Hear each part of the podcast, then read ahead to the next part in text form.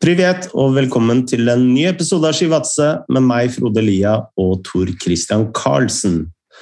Alt vel, eh, TK? Uh, ja, det, det, er jo det. Uh, store hele.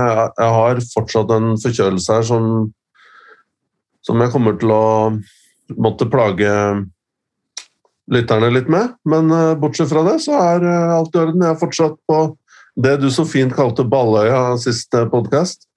Mm. Du høres jo nesten like nasal ut som meg. jeg, jeg, tror det er mye verre enn deg. Jeg vil ikke si at du er så spesielt nasal. Jeg er jo nasal selv uh, i beste tider. Mm. Det er jo mye som uh, skjer i fotballens verdens vi må gå rett på. Eliteserien og Obos har starta. Har du rukket å få sett noe norsk ball på Balløya? jeg så jeg, jeg, jeg, så faktisk litt da, um, av rundene i, uh, som var nå. Og jeg fikk med meg litt av den første HamKam og Lillestrøm, som jeg, som jeg egentlig syns var uh, underholdende. og og så så jeg også litt av det som var hovedkampen på søndag, da, med eller Molde og Vålerenga. Uh, jeg må jo bare si sånn observasjon, bortsett fra den siste der, uh, i Molde, hvor det knapt var mennesker på tribunen, så, så må jeg jo si at både i Hamar og det jeg også så fra de andre arenaene, var jo helt fantastisk. Da. Altså mm. Både rammen og Ja, været så kaldt ut, men det var sol og fint vær. Og, eh, og jeg syns også fotballen var egentlig over det man kan forvente eh, ja, i, i, tidlig april. Da. Så, så for mitt vedkommende så var det et positivt eh, gjensyn med norsk fotball. Eh, hvordan så du det? Nei, altså jeg så eh, begge kampene på lørdag. Eh, Molde-Vålerenga eh, gikk vel på, på lørdag. Ja, lørdag var det, stemmer. Ja, og så så jeg Sarpsborg-Viking. Og så forsøkte jeg å se Bodø-Glimt Rosenborg, men der var det jo som kjent strømstans i første omgang der. Eh, en liten digresjon der.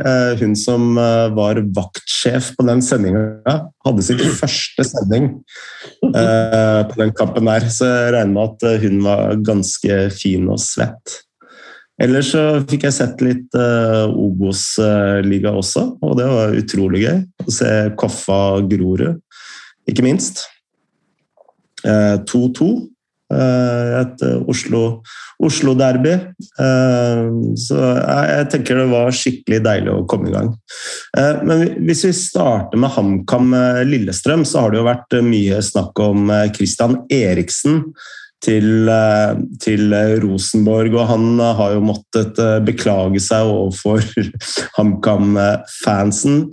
Og det var en spiller som eh, overraska meg positivt uh, veldig. Altså, han hadde et uh, vanvittig fint driv i den kampen her, så da, da, tenkte jeg at det ga litt mer mening at Rosenborg kunne vært interessert i en sånn type spiller.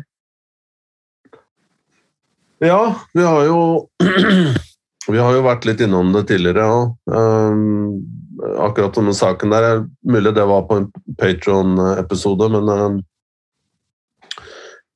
han er jo uh, late bloomer og har vært litt nede i divisjonen og sånn, og så har han egentlig tok av skikkelig nå i 21-sesongen, hvor han skårte vel første gang og har vært i nærheten i over av ti mål da, på en sesong. Men han, han, har blitt brukt litt rundt i forskjellige roller der oppe på topp, men er jo som du sier litt sånn En spiller som du alltid vet hva du får minimum av. Mm. Um, og så er det kanskje litt sånn derre Noen Ja, jeg, jeg tipper jo at Rekdal også har sett ting i han som han Kanskje også utenfor banen, eller måten han er på trening, eller, og, og, kanskje noe av den reisen han har vært med på, da, fra på en måte litt lenger ned i divisjonene, Brumunddal og Elverum, og så kommet seg opp til Eliteserien. Akkurat den reisen der, at det er mange som kanskje i Rosenborg som også kan lære, lære litt av det. Mm. Men eh, Så, ja. nei, ellers så tenker jeg altså det, det, det utsagnet fra en topptrener jeg snakket med en gang, at det, altså det viktigste for en trener det er å kunne stille med de beste spillerne dine kamp ut og kamp inn. Eh, Innforstått at uh, din viktigste jobb var å holde stallen skadefri. Og nå, når Pål André Helland kom inn der og endra hele kampen uh, nærmest alene, så tenker jeg det kommer til å være fullstendig avgjørende for uh, år. Ja, ja, ja. mye på, mye på banen. ja, og spesielt eh, den eh, forarbeidet han gjør til, til eh, Det er litt, litt, litt heldig mål, da. Um, hvem er det som setter den? Er det hvor han bare vender og spiller i bakrom, og så Det er på Adams som setter Det den. er den, ja. Mm. Det er utrolig bra gjort, bare sånn på rent instinkt. da.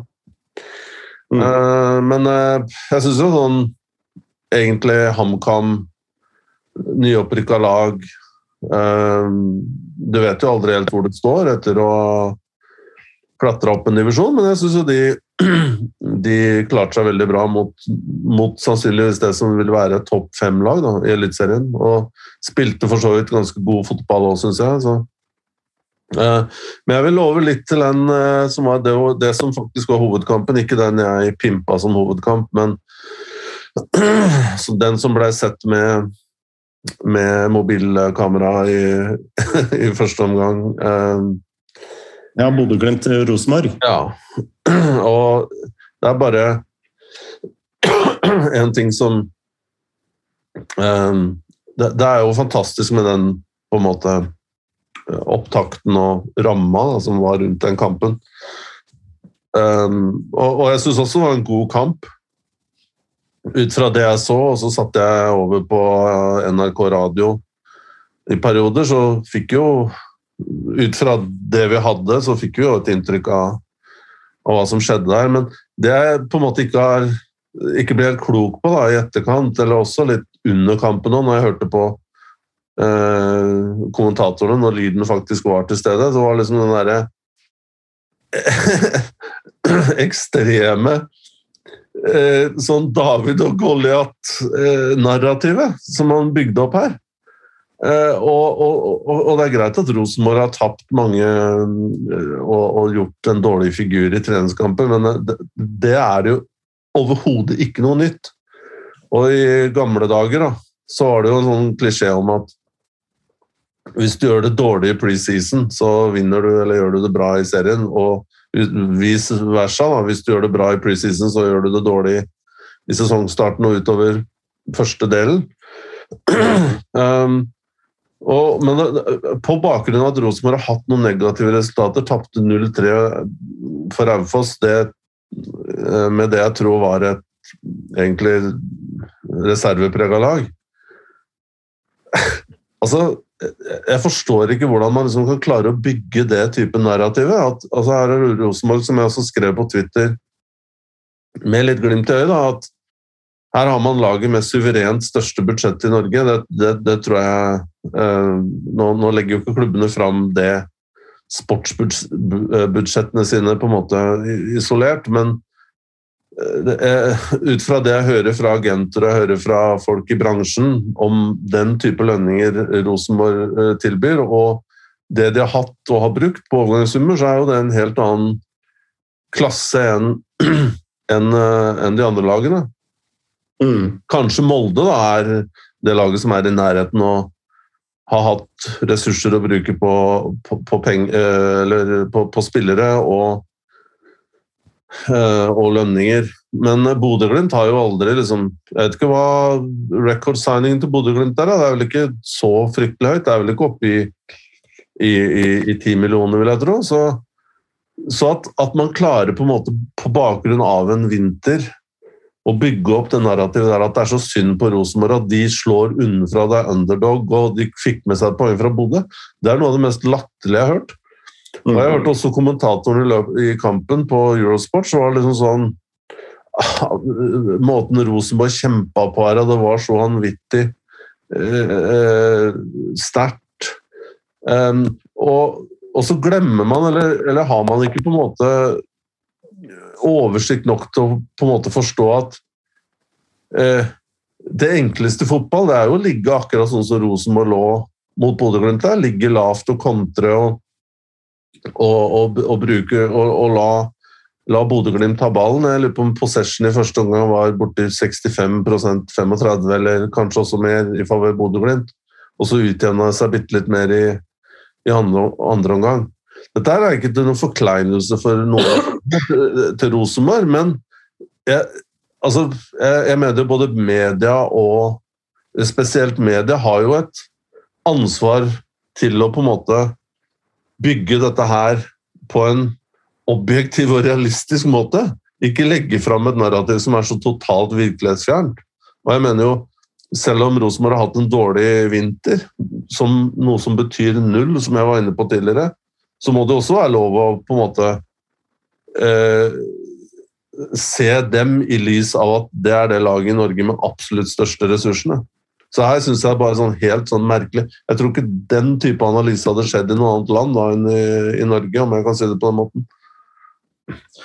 Nei, vi kan jo bare ta litt sånn uh, sammenligning. Da. Altså, I 18-19-sesongen så henta Rosenborg Issam uh, Jebali for uh, nærmere 10 millioner kroner. Rekordsigneringen til Bodø-Glimt noe, noensinne er vel Sami Skytte på rundt 3,6. Så ja, I 1920-sesongen, så det sier jo litt om hvilke muskler Rosenborg har uh, sånn historisk sett har uh, hatt da, overfor uh, alle andre norske klubber.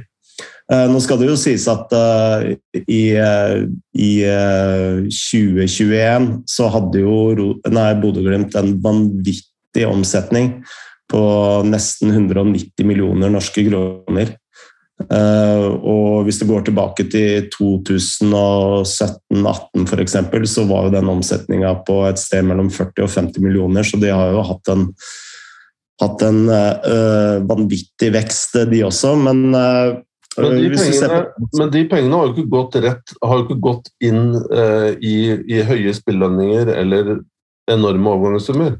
Så det er, jo, det er jo irrelevant. Og hvis du ser på Altså, du nevnte Jebali, men det er mange andre tilfeller. Altså, hvert år så henter Rosenborg spillere som andre klubber i Norge ikke har mulighet til. Altså, hvis du går tilbake og bare ser på eh, Markus Henriksen kommer tilbake. Han er garantert ikke billig for Rosenborg. Per Siljan Skjellebredt kommer rett fra Hertha Berlin. Uh, og Holma Eyolfsson kom tilbake fra utlandet. Det, og selvsagt alle disse spillerne Bjørkeide til 6,3. Uh, Pavle Vajic til, uh, til 9 mil, ikke sant? Ja, ja. Sammy Roger. Ja. Og, disse, og, i tillegg disse svenskene som også har kommet, da, med, med Augustinsson, som også er linka til klubber uh, utenfor Norden. Det, definitivt ikke, ikke gratis. og, og Vagic, Adam Andersson, altså Stefano Vecchia det, det, De Rosenborg henter jo spillere på et helt annet nivå enn det andre klubber, med kanskje et mulig unntak av Molde, da, gjør. Mm. Derfor så syns jeg det blir sånn utrolig eh, irrasjonelt og absurd å klare å legge fram at Rosenborg er på en måte en, eh, eh, en underdog mot Bodø-Glimt. Det gir ikke mening i det hele tatt. Nei. Og hvis du også da hørte på kommentatorene hvordan de Eh, og, og, og, hvordan de på en måte hele tiden liksom prøvde å dra fram det narrativet der. Jeg, jeg, jeg bare syns det er helt, helt, helt merkelig. Jeg er helt enig. Jeg syns det er helt merkelig. Uh, vi har fått et uh, veldig godt uh, spørsmål av en person som ønsker å være anonym. Han spør følgende, og grunnen til at jeg tar det spørsmålet nå, fordi det er litt sånn relevant i forhold til Eller med tanke på det vi snakker om nå. Hei, jeg lurer litt på hva dere tenker om klubber som vokser fort. For å ta eksempel eh, på hva jeg mener, har Åsane på kort tid gått igjennom en utvikling fra å være en liten klubb til en middelsklubb i norsk størrelse. Klubben har fått et nytt og fantastisk fint anlegg. I tillegg er økonomien mye bedre. Dette ser ut til å ha ført til en endring i spillelogistikk, der man både har sett i utlandet og hentet eldre spillere. Mot start hadde Åsane 27 år i gjennomsnittsalder i startelver. Spørsmålet er egentlig hvordan bevare filosofi mens man er i stor utvikling. Det virker litt som Åsane er i en endring der man prøver å ta litt for store steg, og utvikling blir nedprioritert. Ønsker gjerne å være anonym dersom dere bruker dette spørsmålet. Ja, ja det var et meget, uh, meget godt spørsmål og godt innspill, vil jeg si. Veldig godt innspill, og det første jeg tenkte på, var egentlig Bodø-Glimt, som eh, på mange måter kan, kan, operere litt som en slags eh, best uh, og så kan man diskutere om Bodø-Glimt er en best praxis, men jeg tror det kan vi de fleste enes om. at Med tanke på de resultatene de har hatt de siste årene, så Eh, så tror jeg ikke vi gjør oss bort da, ved å bruke Bodø-Glimt eh, som en eh, best eh, praxis. Uh, og her kan vi jo ta veldig mange innfallsvinkler, men si at tesen er at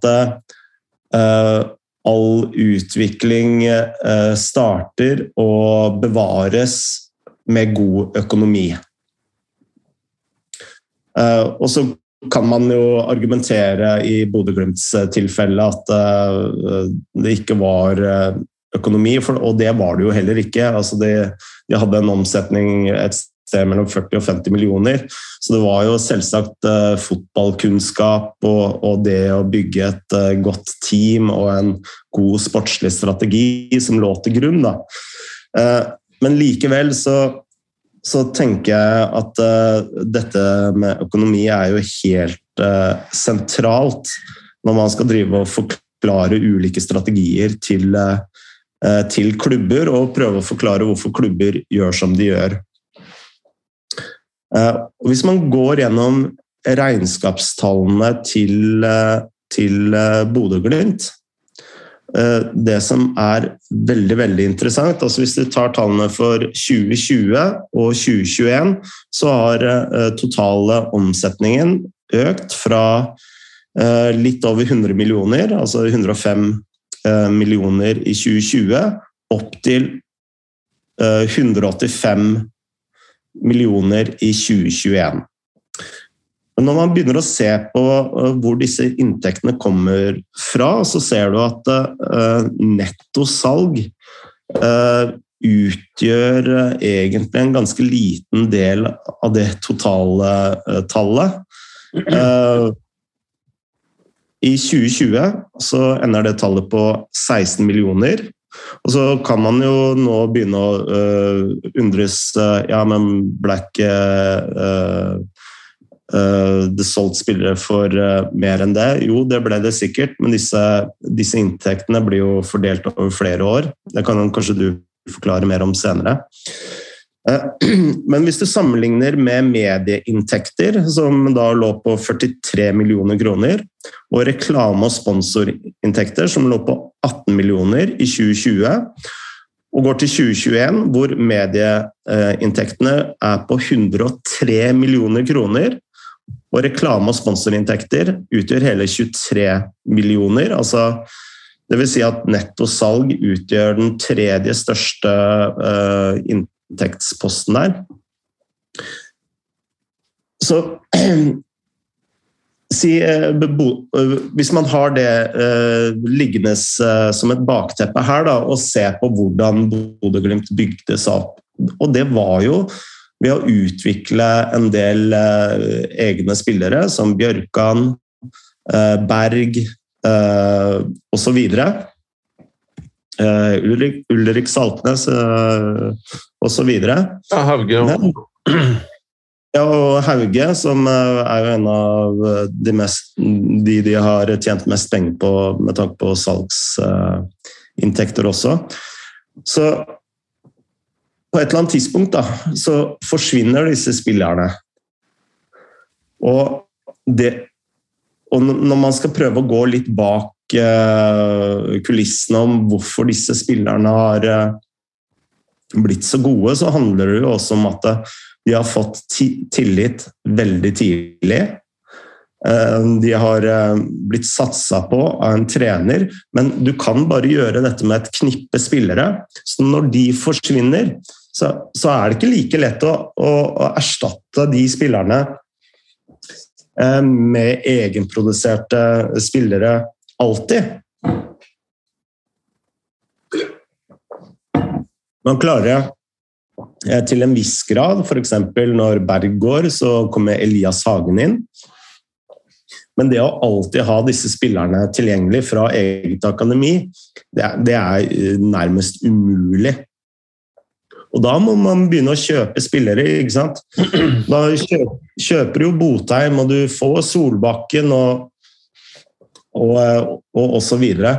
Så det å endre strategi idet en klubb, klubb vokser, det må liksom være tvingende nødvendig eh, å gjøre også.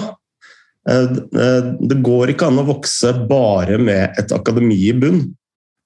Du må kunne ha to tanker eh, i hodet eh, samtidig.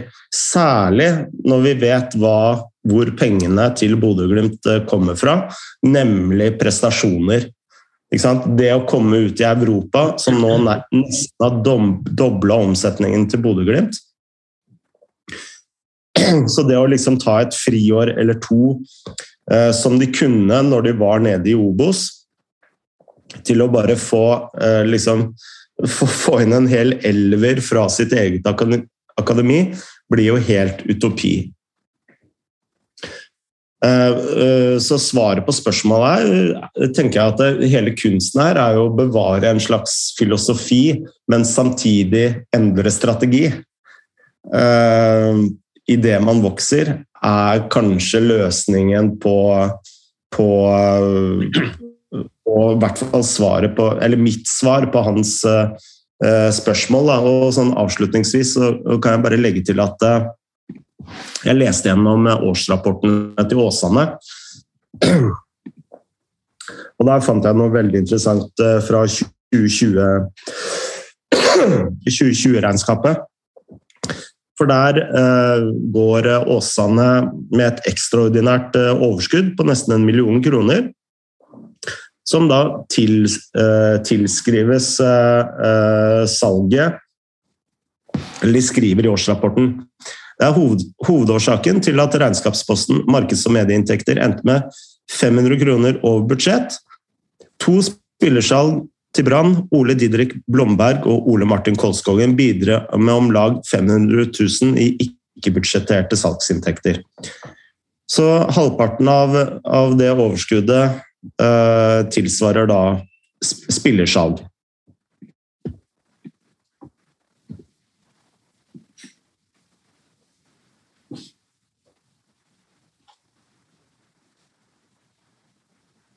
Det var det?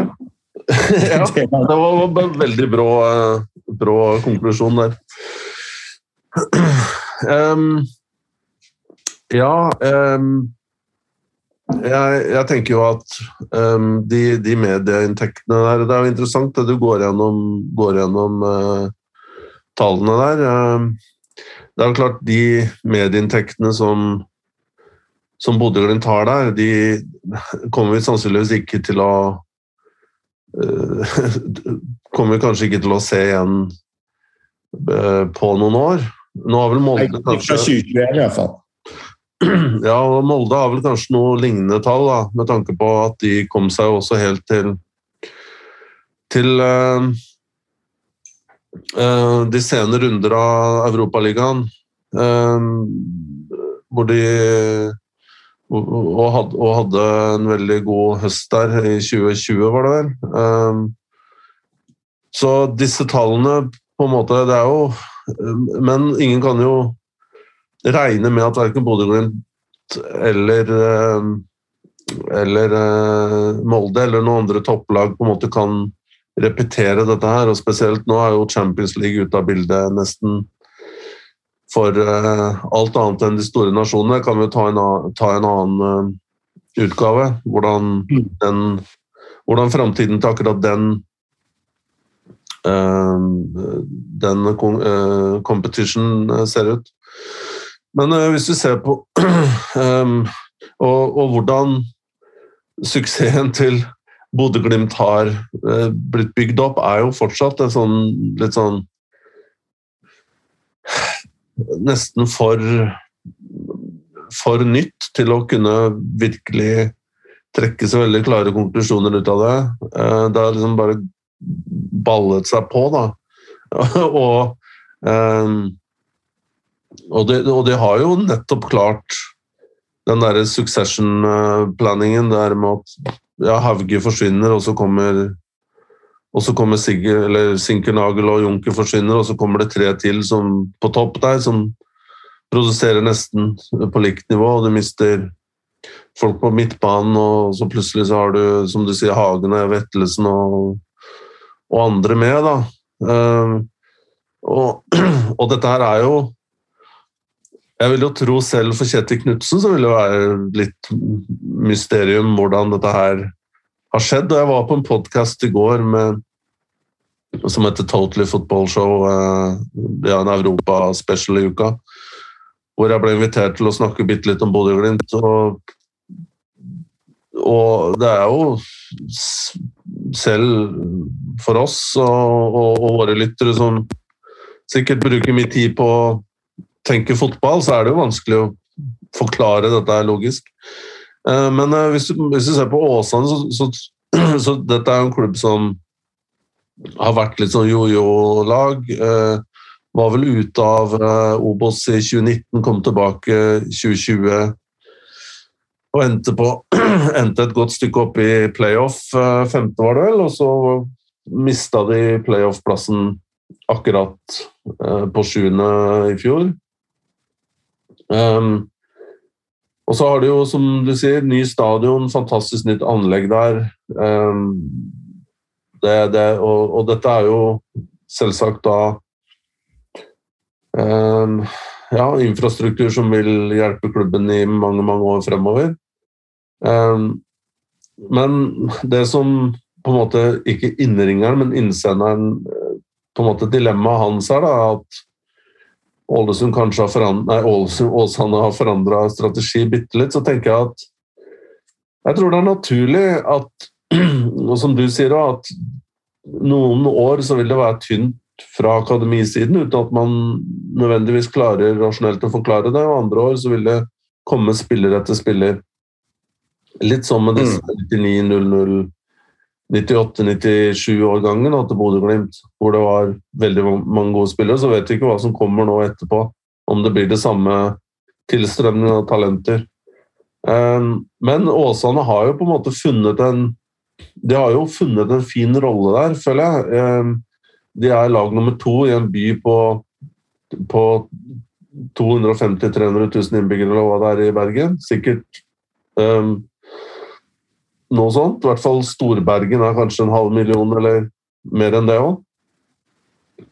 Hos Brann mm. så vil det alltid være um, behov for å altså Brann vil være Brann. Brann der vil det være kjøp, og det vil være Eh, noen akademiprodukter som kommer inn nå og da. Nå har de vært veldig flinke til å gi plass til noen akkurat det siste halvåret, men etter hvert Altså, eh, Åsane kan jo tilby et, en, en, plattform her som Brann på en måte ikke kan. altså spille Gi unge spillere muligheten til å, til å få eh, kamppraksis på på et høyt nivå. Mm. Eh, så jeg, jo, jeg, deler jo bitte litt bekymringer til eh, vedkommende som sendte inn eh, det spørsmålet, om at kanskje man, man eh, går litt vekk fra den strategien, og så tenker man mer kortsiktig. Men Jeg tror Det, det kommer helt an på hva, hvordan Åsane ser seg selv. det, Der skal ikke jeg blande meg inn i den samtalen der. Eh, ser de seg selv kun som en på en måte utviklende klubb, eh, som skal være nummer to i byen og som skal være litt feederlaget til, eh, til Brann, eller med de fantastiske, det fantastiske anlegget og infrastrukturen, og tydeligvis dyktige folk da, som de har. Eh, skal det bli noe mer? Og da er det jo klart at du må ha to tanker i hodet samtidig. Du må tenke utvikling, men du må også tenke på spillere som, som eh, kan hjelpe deg i, i nuet. Um, men det er klart, hvis Åsane akkurat denne sesongen her er vel ikke helt den sesongen der man skal inn og begynne å prøve å, å satse på et opprykk, når du har disse store uh, hva skal si, klassikerlagene da, fra Eliteserien som, som, som, er nede. og Eh, og, og, og, flere til som var der oppe i fjor.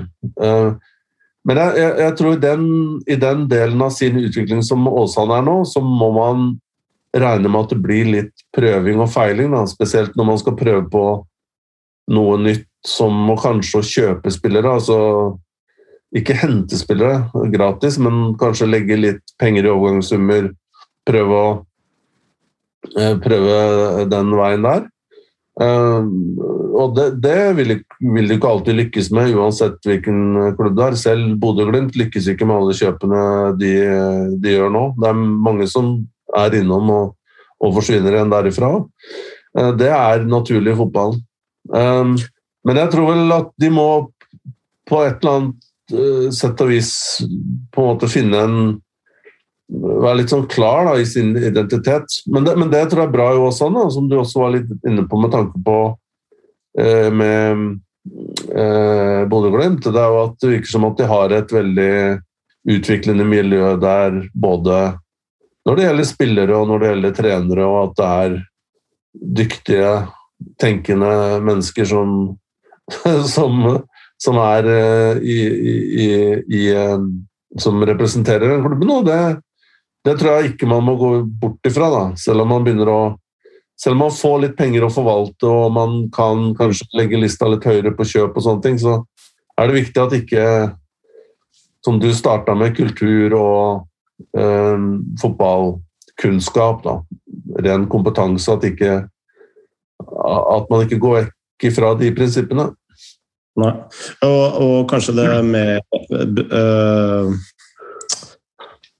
mer kritiske, for å bruke et sånt ord, eh, er kanskje mer eh, snittalderen på 27 år enn at de nødvendigvis eh, henter spillere uten, utenfra, på en måte. Ja, for det føler jeg er en ting som eh, man har blitt veldig flinke til i Norge over Da vil jeg si over hele både Eliteserien og Obos, at, at man er veldig oppmerksom på at hvis man skal legge, legge noen millioner i et spillekjøp, eller noen hundre tusen, så skal det være en tanke om videresalg. Da. At mm. man, og da er det ikke så Du kan jo selvsagt også bomme med en, med en 19-20-21-åring, absolutt, men sjansene for at du kanskje får litt penger igjen, eller videresalg, at det kommer Eller til og med andre kompensasjoner da, drypper inn etterpå. De, de, er jo der. Men det føler jeg man har blitt ganske flinke til i Norge etter hvert. At man ser veldig på, på, på, på at det skal være riktig alder da, når, man, når man henter utenfra. Vi har fått et uh, spørsmål fra Jørgen Hernblom. Uh, tema vi har jo snakka mye om tidligere, men eh, nå har det jo skjedd. Eh, Vålerenga har eh, fått ny sportsdirektør. Joakim Jønsson blir ny sportsdirektør i Vålerenga. Og på spørsmål om hvem som er den øverste sportslige ansvarlige, så sier Dag Eilif Fagermo det er meg. Og Jønsson svarer på jeg skal være en servitør. Vi trenger ikke å gå så dypt uh, inn i den materien der, men uh, altså, du har jo vært veldig kritisk til at en sportsdirektør er under hovedtrener i et uh, hierarki. Eh, så får vi jo bare se hvor mye sirkus og hvor bra dette går. Ja, jeg, jeg, kan bare starte med det på en måte prinsipielle og, og, strukturelle, bare for å repetere det. at jeg, jeg, jeg, forstår ikke helt hvorfor man kaller det sportssjef eller sportsdirektør. eller hva Man man kan jo ikke kalle det engang sportsleder når, når man har etablert at leder for sport er hovedtrener. Eh, sjef for sport um, det, det, er i det tilfellet Dag Erlef Fagmo. Det riktig, riktig jobbtittel eh, bør vel være assistent med ansvar for eh, rekruttering, f.eks.? Ja, sånn jeg, sånn jeg, så den Eller tolket den stillings eller kravspekken her, da. Den annons, eller annonsen Altså stillingsbeskrivelsen som lå på hjemmesiden til Vålerenga. Så så det ut som en assistenttrenerrolle, som du sier, med, som ikke er på feltet, men som tar seg av eh, de tingene At man har delt nesten en sånn engelsk managerrolle i to, hvor Fagermo er på en måte eh, på papiret sjefen og tar seg av det på en måte utøvende kamp, forberedelser, trening, sånne ting. Og, eh, og, og den andre assistenten da tar seg av, av ting på på ja, mer ja, mot, mot spillekjøp, salg, scouting osv. Og, og det andre her er jo at jeg vil jo tro at NTF, da, som jobber veldig mye med sånne ting, eh, har en eller annen blueprint på, på hvordan en sportssjefrollen i utgangspunktet skal være, eh, og hva den består i av hvordan rapporteringsstrukturer og sånne ting i prinsippet burde være. Så jeg syns det er litt rart at i dag, i 2022, at man ender opp med en sånn type hybridrolle. og eh, jeg, jeg vil også si at Um, det, det, blir jo veldig vanskelig å bedømme nå, nå Joakim her, da, på hva han har gjort eller ikke gjort, så lenge han ikke har på en måte står svar skyldig omtrent til noen ting.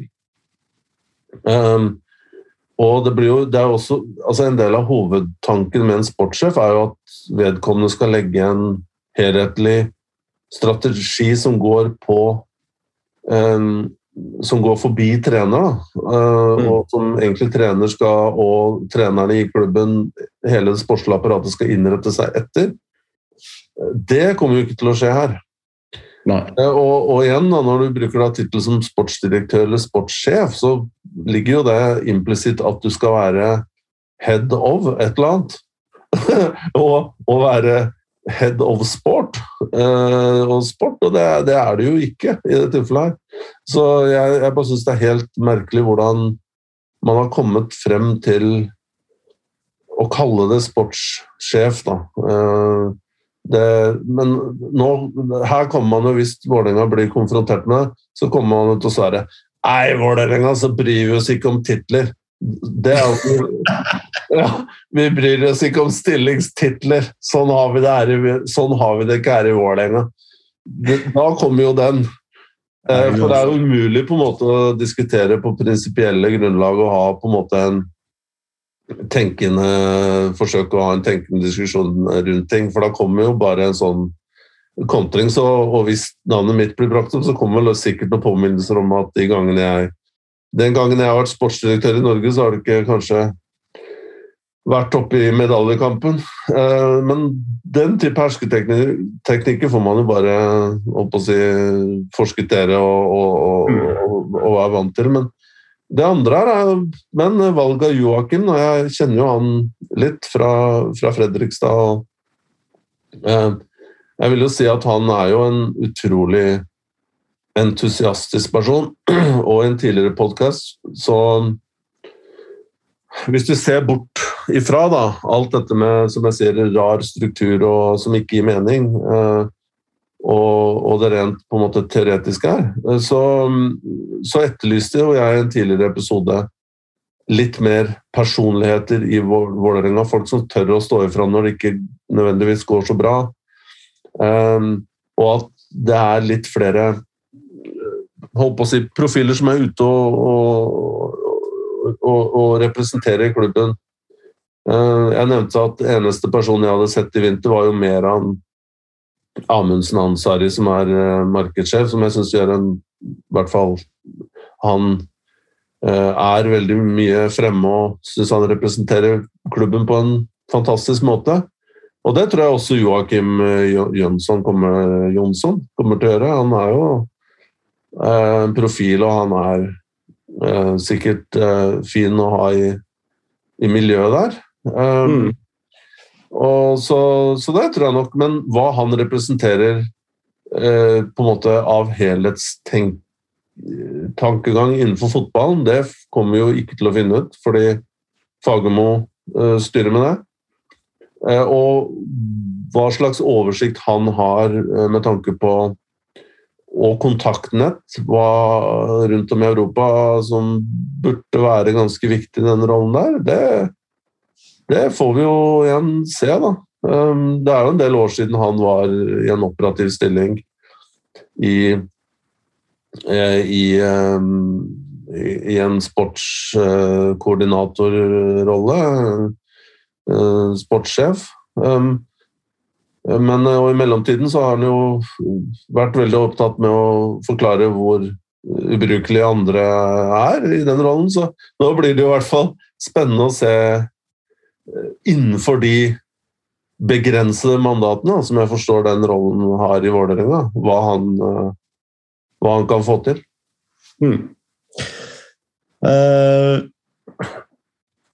jeg lurer på om vi skal gå litt videre til internasjonal fotball, uh, med tanke på at du er på Balløya, Tor Christian.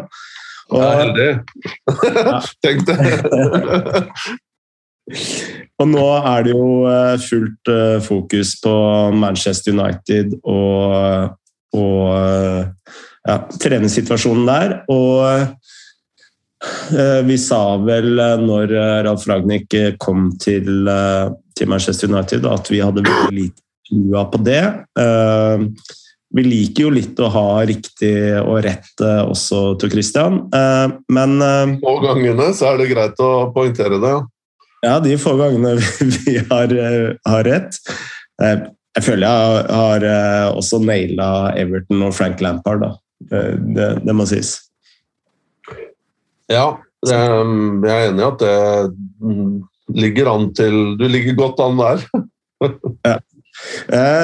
Og vi kan jo ikke, ikke gå opp den gata vi har gått opp tidligere, men Peder Pedersen han spør Van Gaal uttalte at Manchester United er en commercial club, ikke en football club. Hva tenker dere om dette skillet? Jeg hopper, uh, hopper inn først der, jeg. um, så kan jo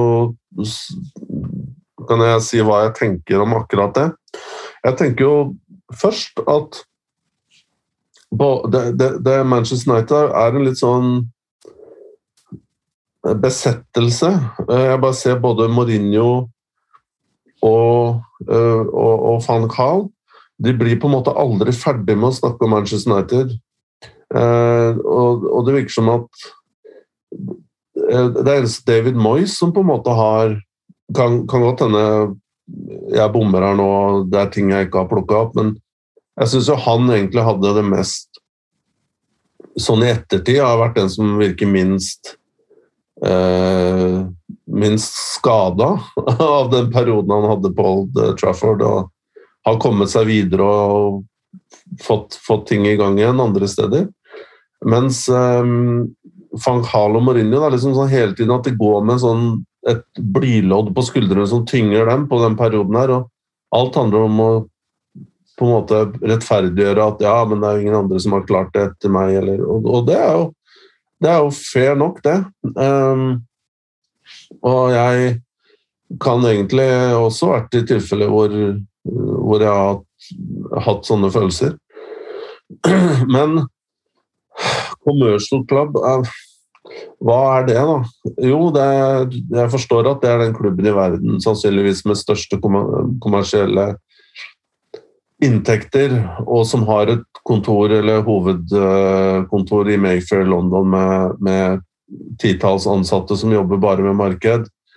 Og de har nudler, klubbbranded nudler, og de har på en måte alle disse tingene som vi ler av. Jeg forstår ikke helt hvorfor det skal være eh, På en måte stå i veien for suksess, da. Eh, det det gjør, er jo at det, det genererer jo kommersielle siden genererer jo eh, inntekter til klubben som man kan bruke på sportslige ting.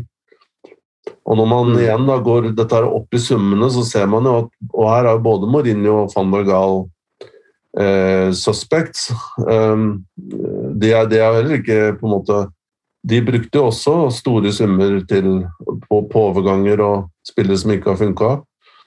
Mm. Um, så det er jo ikke sånn at Glazers Selvsagt har de tatt altfor mye penger ut av klubben og, og strukturert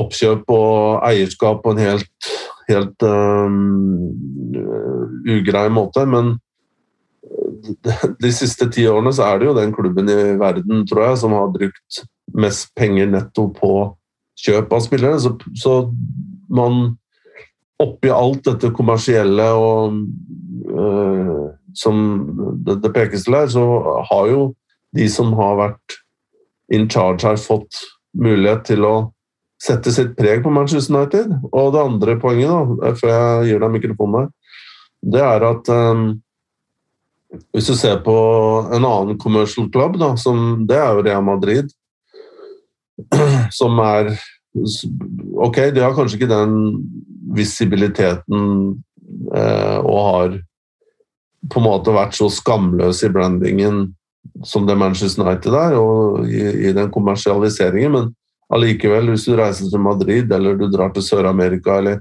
du, du, ser også fotprint eller finger avtrykkene til Real Madrid på alt mulig rart. Um, men det er også en klubb som Ok, de vinner ikke Champions League hvert år, men de har i hvert fall vunnet denne på ganger de siste fem årene. Og, tror jeg, uten at jeg har lista foran meg, men, og vinner titler her og der. og jeg, jeg, forstår ikke helt det argumentet der. Gjør du? Nei, eh, men jeg har et tilleggsspørsmål uh, til deg.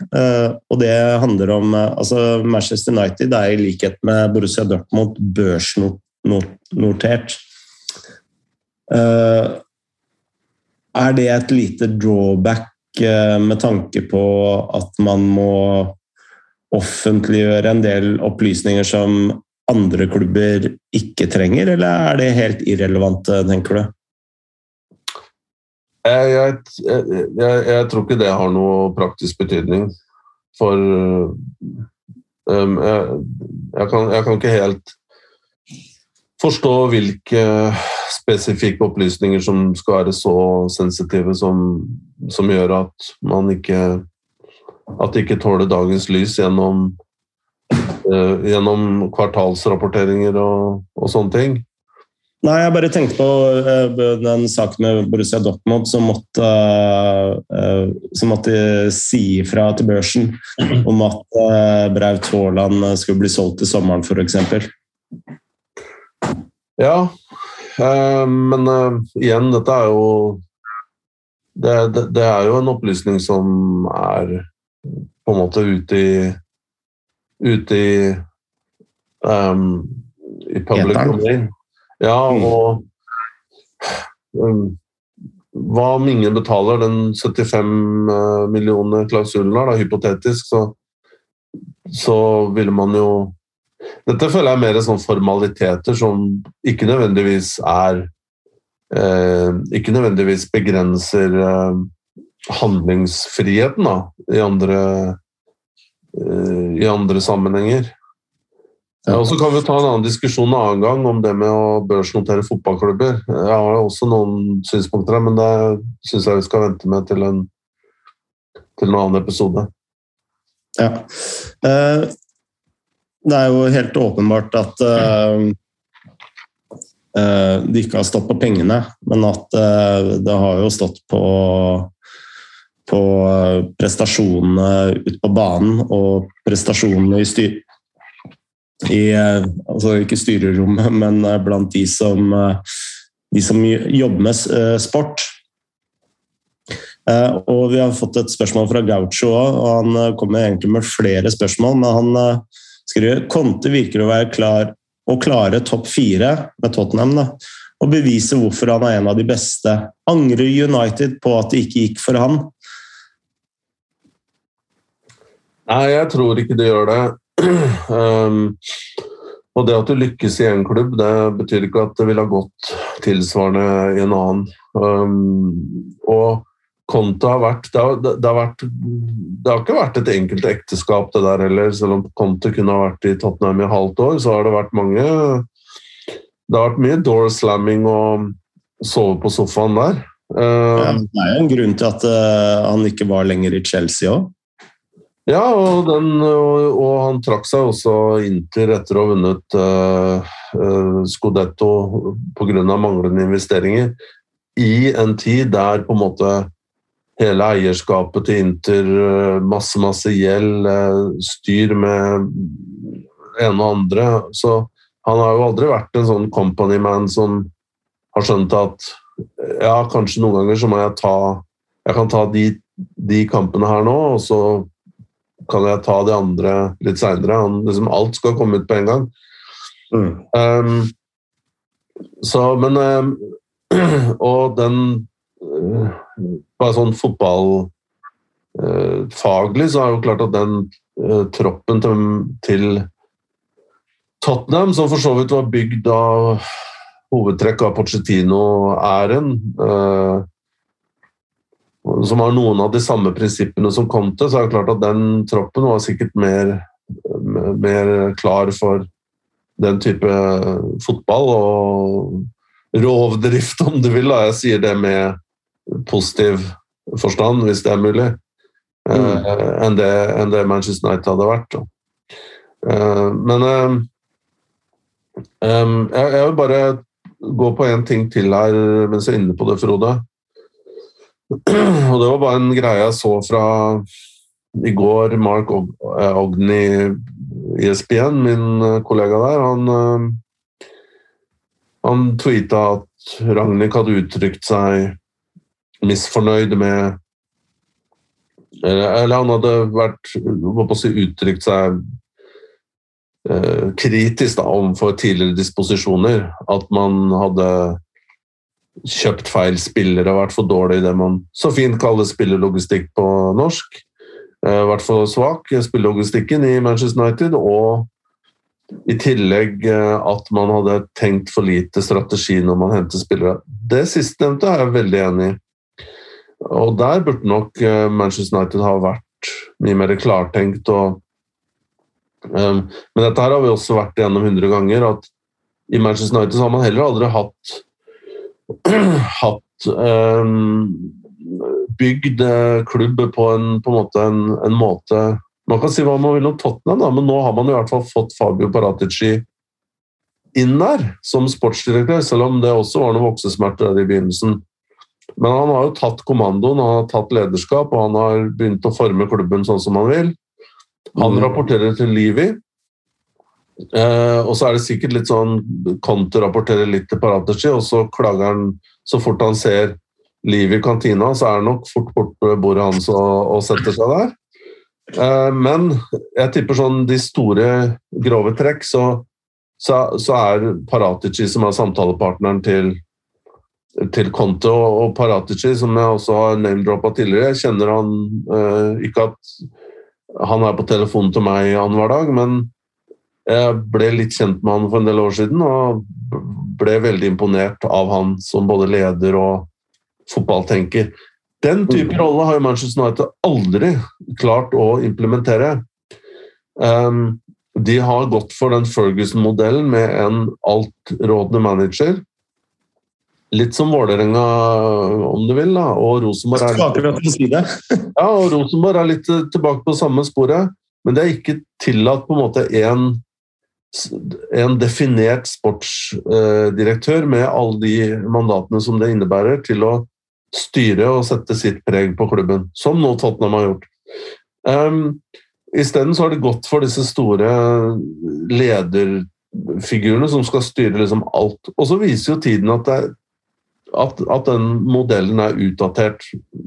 Ikke bare forsvant den med Ferguson, men den forsvant sannsynligvis mange år før Ferguson.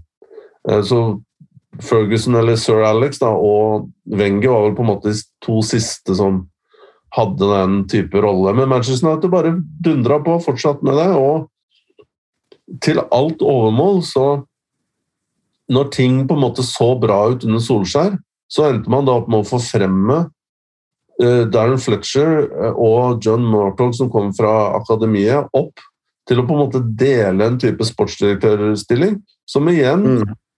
Uh, etter det jeg forsto, var da underordna Solskjær. Og så lurer man da på hvordan man ikke har endt opp med strategisk tenkning på overgangsmarkedet, og hvordan man ender opp med på en måte med, med, med, med trekanter i, til hullet der en firkant skal være. Da. Ikke sant? Så det her er jo ikke Dette handler jo også om Vi må gå opp til Ed Woodward, eh, tror jeg. Kanskje opp til Glazes. Dette her kan jeg ikke uttale meg eh, om med veldig stor gravitas, fordi jeg kjenner ikke forholdene godt nok internt i Manchester United, men en eller annen person høyt oppe i systemet vil jo ha Eller om det er sir Alex selv, jeg vet ikke hvor stor innflytelse han har, men noen vil jo ha måttet på en måte trenert dette her, da. Og mm. altså selv, selv hvis du hyrer på en måte management consultants i fotball, noen av dem er det der ute, for å kjøre på en måte en 360 grader vurdering av Manchester United, om du hadde gjort det, så ville jo de også komme til styret til Glazes eller Edward Wood eller Arnold eller hvem det er, og sagt vi anbefaler den strukturen her. Dere burde ha en sportsdirektør, og dere burde ha en trener som rapporterer dit, sånn, sånn, sånn. Men en eller annen, eller flere, har jo motarbeida den tydeligvis den, den, ideen der, og derfor så tror jeg det er ganske naturlig at ting har blitt et lappeteppe, da, som, slik som det fremstår i dag. Men uh, det fremstår jo sånn i Manchester Uniteds tilfelle at uh, det har vært mye sånn maktkonsolidering. Uh, at man har tatt avgjørelser for å liksom sikre sin egen posisjon i, i, i klubben, og at det så, og det er jo en ting som har skjedd uh, siden Moyes har vært der. At det har vært eh, konsolidering på konsolidering på konsolidering. Og med en gang det går litt galt, så blir det en ny konsolidering Nei, bra, mener jeg. Så blir det en ny konsolidering med å f.eks. For fornye kontraktene til Fletcher i et system som burde på mange måter vært litt røska opp i. da. Ja, jeg er helt, ehm, helt, enig med deg. Og igjen så forstår jeg ikke helt Jeg, forstår ikke helt tankegangen, fordi det er jo klart at um, når man ser nå Nå er det ti år siden, tror jeg, Manchester United sist vant Premier League. Eller er det elleve? Um, eller om det er i hvert fall et sted mellom 9 og elleve. Uh, men um, Og man har ikke vunnet en tittel nå på fem år, eller hva det er. Og det er jo klart at Da må man jo med de ressursene og det navnet Dette er jo kanskje verdens største fotballklubb. Um, så må man jo, mener jeg, at man må være ærlig og ta en helt åpen vurdering av alt. Holdt på å Si, av systemene sine, praksisene, hvordan man har organisert. Eh, hvor, hvor er det man eh, kan forbedre seg? Og, eh, men det, det, jeg tror også Noe av problemet i dag det er at fotballklubber er så veldig opptatt av PR. Og de er så opptatt av eh, budskap, briefe journalister eh, holdt på å si, altså, Du så den greia der med som sagt da den stillingen til Murtog og Fletcher ble oppretta, det var kanskje et par år siden. Så var det jo sånn Ja, det, det her var jo i all hovedsak for å appease supporterne, fordi de hadde etterspurt en, en sånn type rolle da, i, i, flere år. Men jeg tror jo vi allerede sa på det tidspunktet at dette her er bare en Det her fremstår som en skinnprosess. Um, og uansett hvor kompetente de menneskene muligens er, så får du aldri testa ut det hvis ikke du har det riktige eh, det riktige, de ikke har sine riktige plasser i hierarkiet. Da. Ellers så blir du bare assistent til treneren, på en måte. da. Men eh, det er bare avslutningsvis da, jeg vil si om Ragnhild her, det er at jeg syns det er bitte litt sånn dårlig, dårlig stil, fordi jeg, er jo enig med han på en måte i, refleksjonene, men de refleksjonene de, de kunne han sagt uh, tidligere. Ikke nå som på bakgrunn av noen dårlige resultater og Manchester United ligger på sjuendeplass og kan muligens uh, Nå er det seks-sju runder igjen før uh, åtte runder også, muligens, men kan godt være Manchester United tar den fjerdeplassen nå, for alt jeg vet. Men jeg syns det er liksom noe av det minst eh, stilfullte altså, På en måte eh, Som Da bare rister jeg på hodet, og, og, og, da, og da, faller eh, mennesket i hvert fall veldig i min estimasjon. Det er når folk klager på de som har vært der tidligere. Det jeg tenkte når jeg leste det, det var at det, eh, dette er starten på slutten.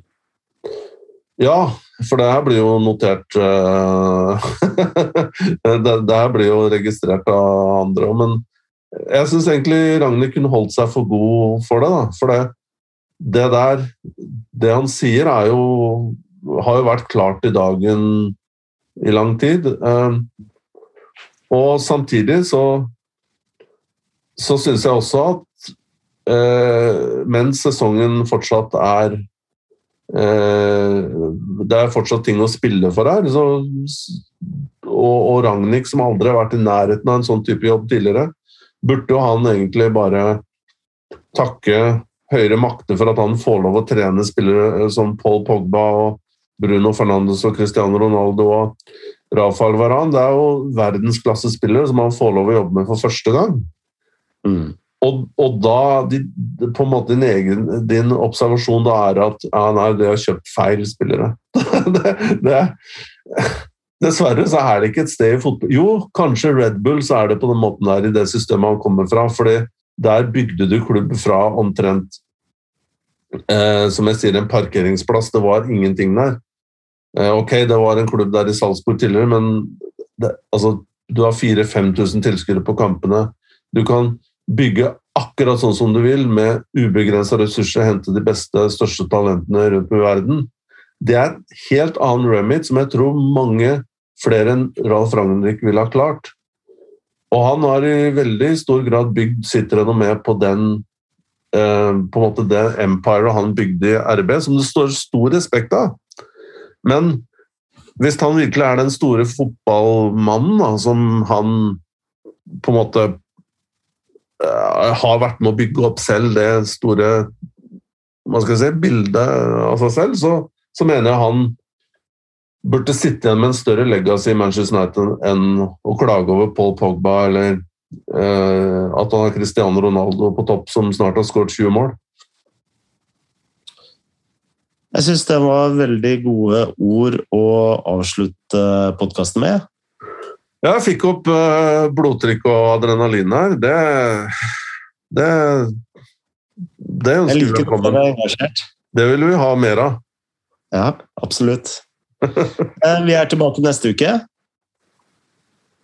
Jeg håper absolutt det. Mm. Så får vi bare si som vi alltid pleier å si her i Shivatse, privet og da vedanje, og ha en fortsatt god uke. Moderne media.